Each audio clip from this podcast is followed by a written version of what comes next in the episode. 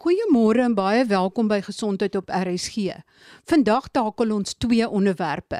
In die eerste deel van die program gesels ek met Dr Piet Straiger. Hy's data-analis en verbonde aan die Universiteit van Johannesburg se Instituut vir Toekomskennis. En natuurlik gaan ons gesels oor wat die data wys wat ons kan verwag van hierdie 4de golf of terwyl die Omicron golf.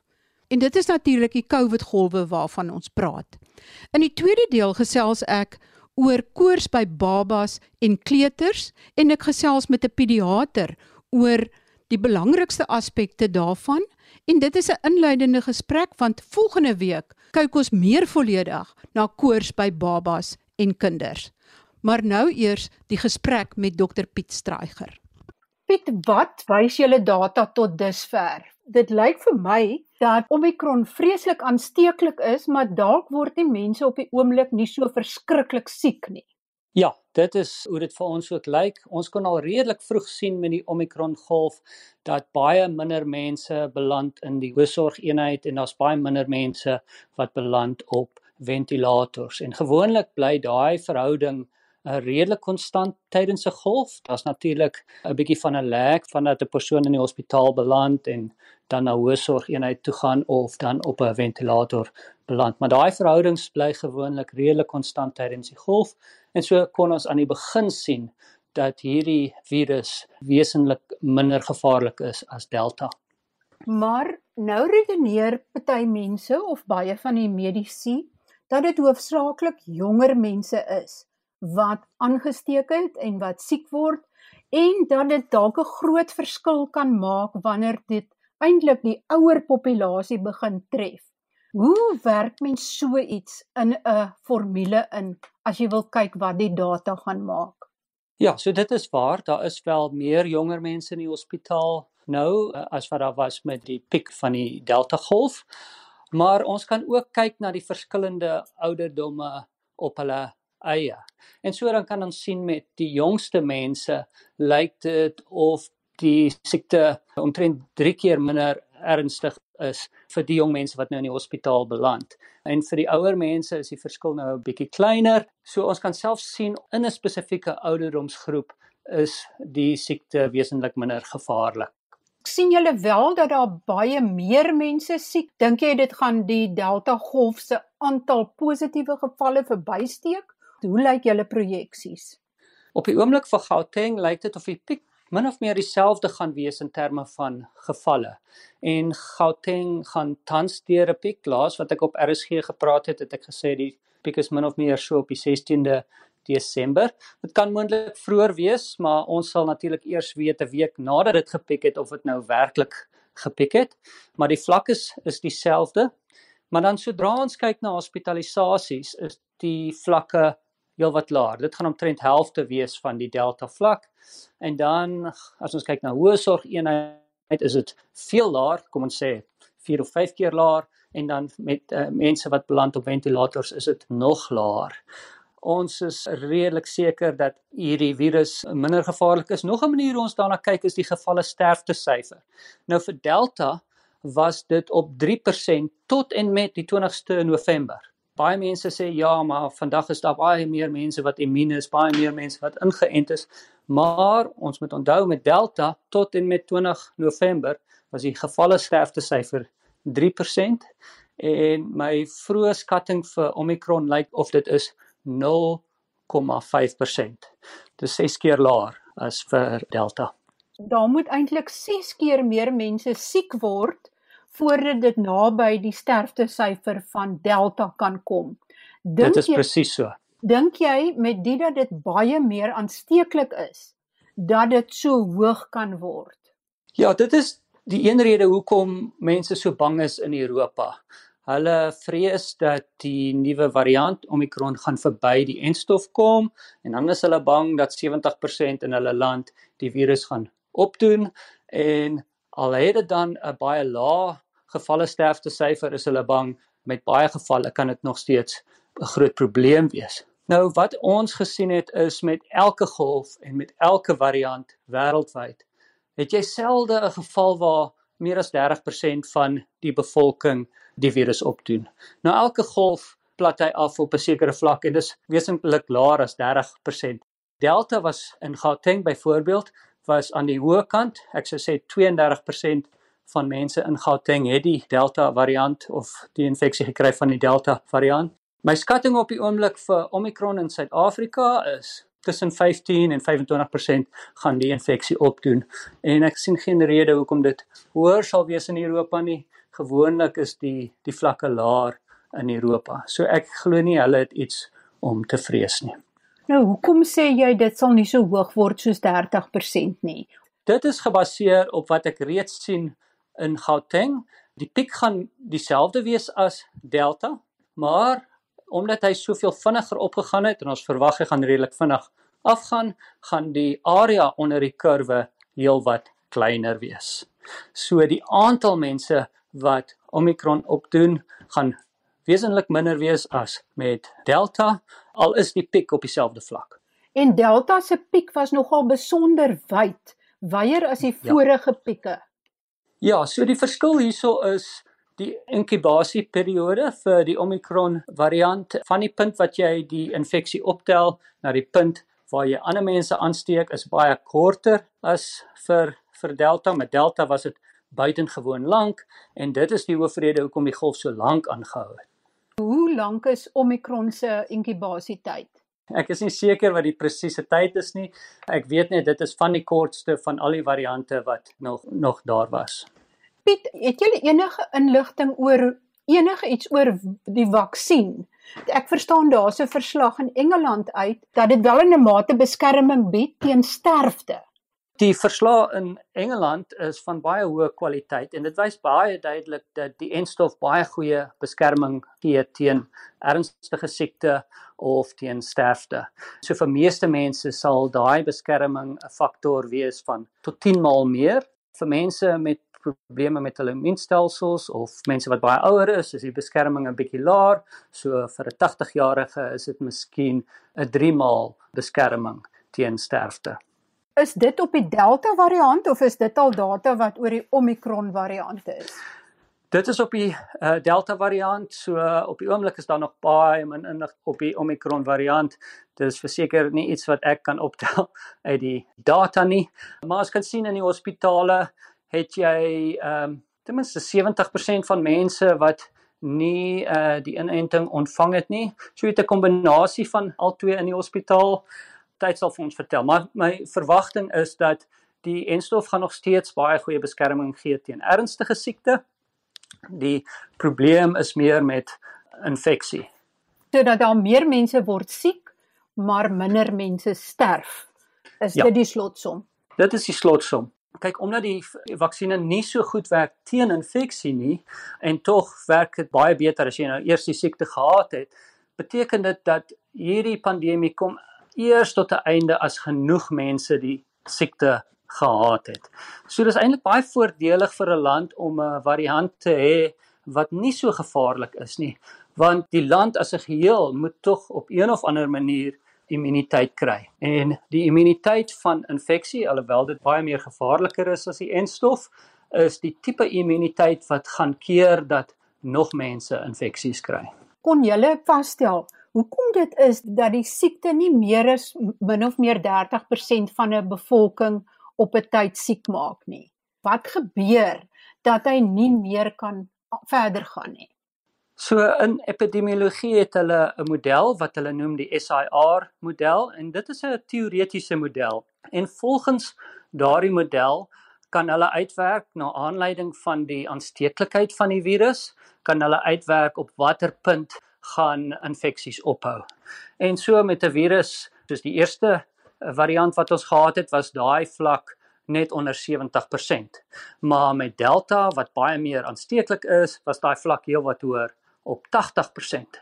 Nou in die realiteit sien ons in lande die vlakke waar die golwe ophou is baie laer. En die rede daarvoor is die model neem aan dat almal eweveel aansteeklik is en dat almal wat siek raak eweveel die virus kan oordra aan ander en dit neem ook aan dat almal meng met almal.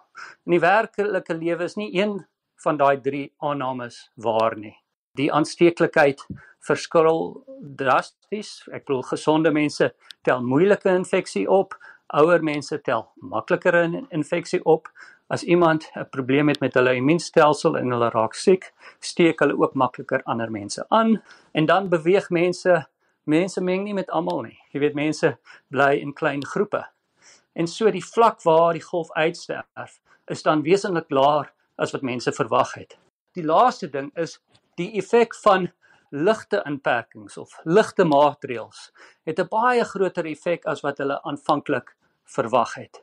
En dis ook hoe hulle dan die fout maak om te dink dat as jy nou 'n streng lockdown het, is dit die rede hoekom gevalle so laag is. Want tog as ons kyk na lande so Swede wat meer ligte inperkings gehad het, het hulle ook dit reg gekry om daai vlak van die golf baie laer te kry as 70%. As jy moet voorstel 'n voorstel moet maak op grond van data-analise, met ander woorde mense haal die emosie uit alles uit en jy kyk net na die syfers, dan sou jy sê jy moet vaksineer want dit is belangrik om sterftes te verminder en dat en dat ligte inperkingsmaatreëls ook 'n groot rol speel. Ja, so wanneer hulle die siekte modelleer, dan is dit belangrik dat hulle kyk na verskillende opsies. So die eerste, hulle noem dit in Engels conditional scenarios. Die eerste opsie moet altyd 'n uh, opsie wees met ligte inperkings. En dan kan jy dit nou stelselmatig meer maak in die model en so kan jy dan uh, bepaal wat is die moeite werd om te doen. En ongelukkig het van die modelleerders aan die begin van die ernstigste maatreëls heel bo op die lys gesit.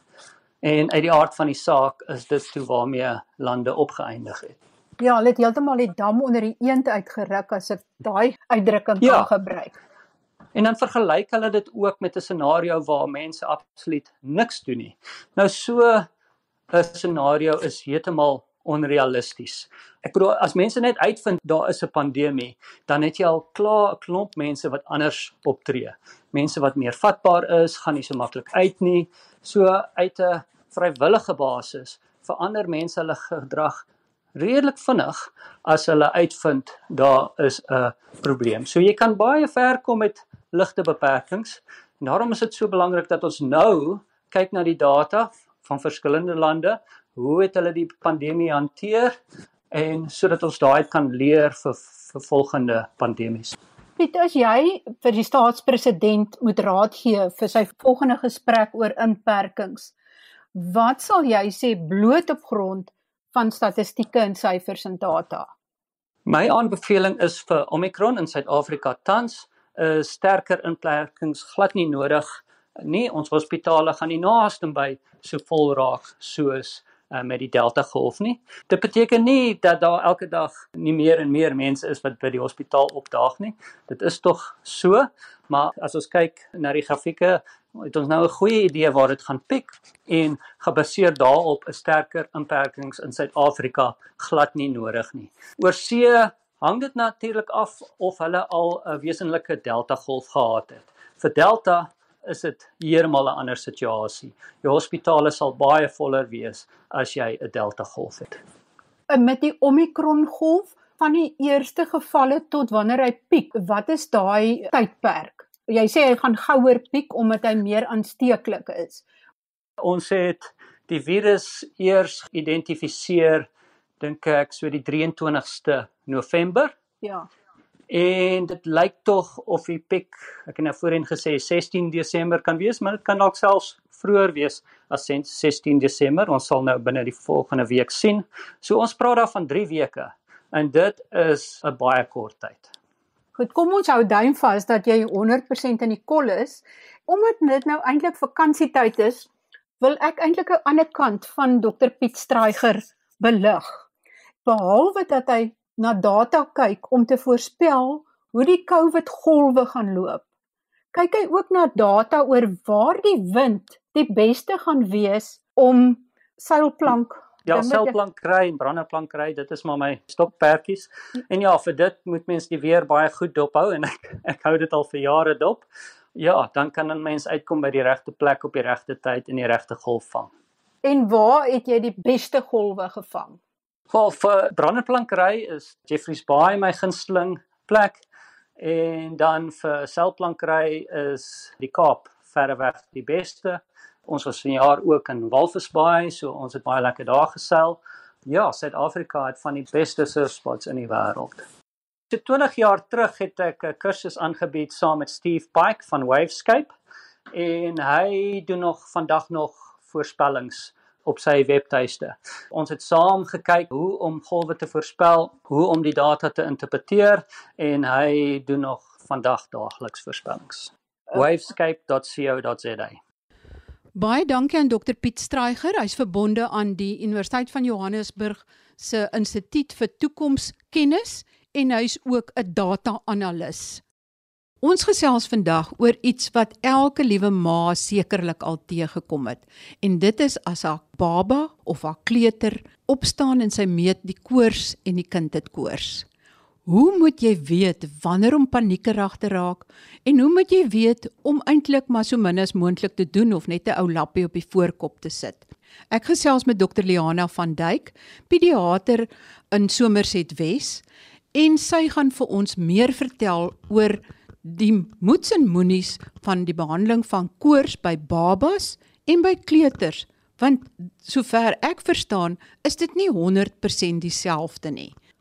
Dokter van Duyk, wanneer het 'n baba koors? Wat is daai temperatuur wat aangeteken moet word voordat jy kan sê die baba het koors waaraan jy aandag moet gee? Môre Marie. Enige kind of baba wat 'n temperatuur van 37.5 grade Celsius het, is nog normaal. As die temperatuur bo 37.5 gaan hier na 38 toe, dan kan 'n ma begin net 'n oogie hou op die kleintjie.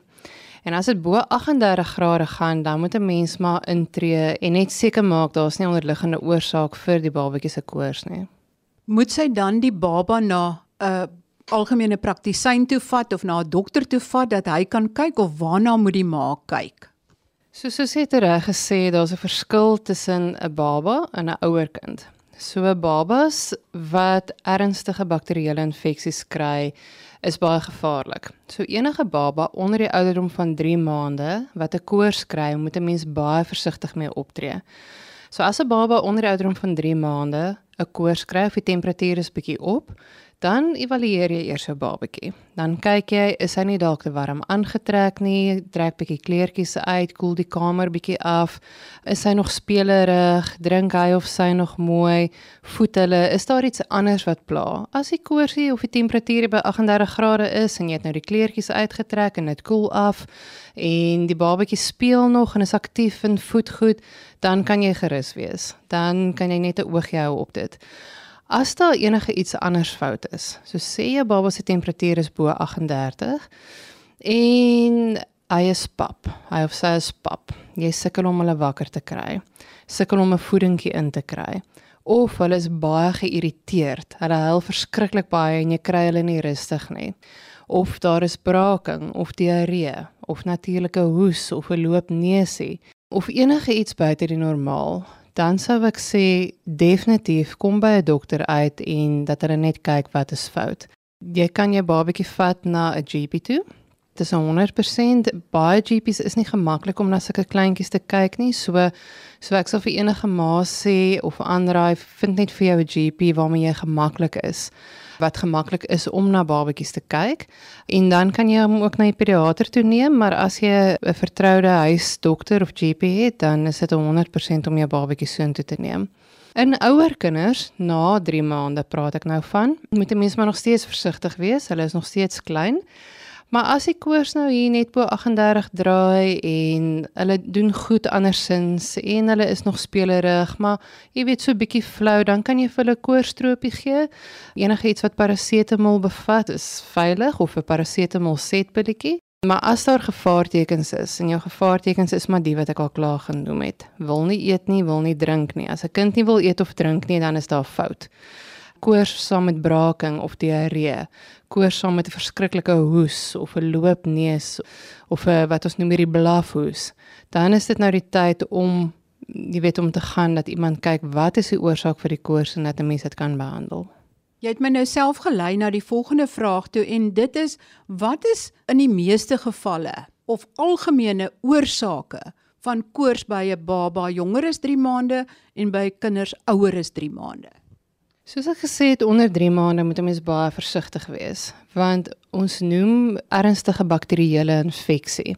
Ons severe bacterial infection, dokters praat van jou SBI.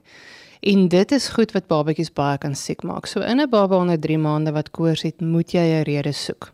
Jy kan nie net 'n babatjie laat gaan en hy het koors en jy het nie 'n rede gekry nie. Oorsake kan wees urineweginfeksies, uh, meningitis, pneumonie. So in daai babatjies moet jy seker maak daar's nie iets onderliggend fout nie en ek praat nou van redelike hoë koorse en kinders wat siek is. As dit nou net 'n babatjie is wat te warm aangetrek was, dan weet 'n mens mos nou wat was fout geweest. Ouer kinders is die algemeenste oorsaak 'n virale infeksie. En dit is belangrik om te onthou vir ouers. So as daar 'n loopneusie is en 'n seerkeeltjie, dan in die meeste van die gevalle is dit 'n virale infeksie en as 'n mens hulle goed gehidreerd hou vir hulle koorstroopie gee, meeste van die tyd gaan hy binne 'n dag of twee verbygaan en die kleintjie gaan weer beter voel. Maar as hulle nie reageer op op sulke maatreëls nie, dan moet jy weet maar miskien het my kleintjie 'n bakterieële infeksie. En dit is waar jy dan na 'n dokter toe gaan net om te kyk dat daar nie miskien 'n middeloorontsteking is of 'n faringitis of 'n tonsilitis of 'n mangelontsteking, is dieselfde as 'n tonsilitis wat dalk 'n antibiotika nodig het nie, maar oor die algemeen meeste van die tyd is dit 'n virale infeksie. Hoe verander 'n kind se immuniteit vandat hy gebore is as baba totdat hy sê maar begin skool toe gaan word dit beter en is daar 'n tyd wat sy immuniteit baie laag is wat hy baie meer vatbaar is vir infeksies en word hy minder of meer siek soos dit hy ouer word en het crashes enigsins 'n invloed daarop? Babatjies wat gebore word het 'n mate van 'n beskerming en dit is maar omdat hulle um, in die baarmoeder die ma se antiliggame ontvang en die antiliggame sirkuleer vir 'n paar maande in die baba se liggaam. Ook deur borsvoeding, so borsgevoede babas het 'n groter beskerming as babas wat nie geborsvoed word nie. Maar soos die tyd aangaan, weer en teer daai antiliggame en hulle raak al hoe minder en dit is hoekom inenting so belangrik is. So babatjies kry hulle eerste inenting op 6 weke dan weer op 10 weke en weer op 14 weke.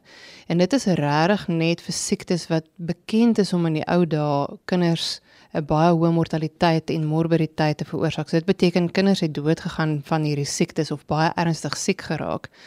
So daai inentings boost dan hulle immuniteit tot so op 3-4 maande en dan het hulle gewoonlik 'n redelike goeie beskerming teen hierdie siektes. En baie is goedjies wat middeloorontsteking veroorsaak of uh, mangelontsteking of pneumonie of longontsteking en selfs ook breinvliesontsteking veroorsaak.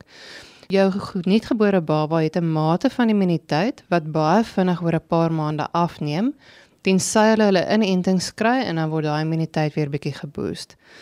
En dit is gewoonlik dan nou die tyd wat hierdie kinders na 'n crash toe gaan In 'n crash is alle ma's wat weet wat kinders het in 'n crash of ouer kinders het in 'n crash, hoeveel van daai virusse word huis toe gedra en kan dan ook babatjies siek maak by die huis. Maar gewoonlik op daai ouderdom 4-5 maande wanneer ouers terug gaan werk toe en kinders crash toe gaan, is wanneer jy dan baie virale infeksies, baie bakterieële infeksies in hierdie babatjies sien. Meeste van die tyd is dit nog steeds virale infeksies wat simptomaties behandel kan word en dan en wan kry jy 'n bakterieële infeksie met 'n middeloorontsteking en 'n tonsilitis of selfs 'n pneumonie. Soos hulle dan ouer raak, uh 6 maande, jaar, 18 maande, gewoonlik hier na 2 jaar, dan begin 'n mens sien dat kinders minder en minder siek raak en dit is maar bloot omdat hulle immuniteit sterker raak soos wat hulle ouer raak en dan natuurlik ook omdat hulle minder blootgestel word aan die crashgogga soos wat hulle ouer raak. Hoe jonger die kleintjie is, hoe swakker is hulle immuniteit en soos wat hulle ouer word en blootgestel word aan verskillende virusse en bakterieë, raak hulle immuniteit beter. Luister volgende week verder na die gesprek oor koors by babas en kinders. Ek gesels dan verder met Dr. Liana van Duyk, pediater op Somerset Wes. Tot volgende week dan. Groete van my, Marie Hudson.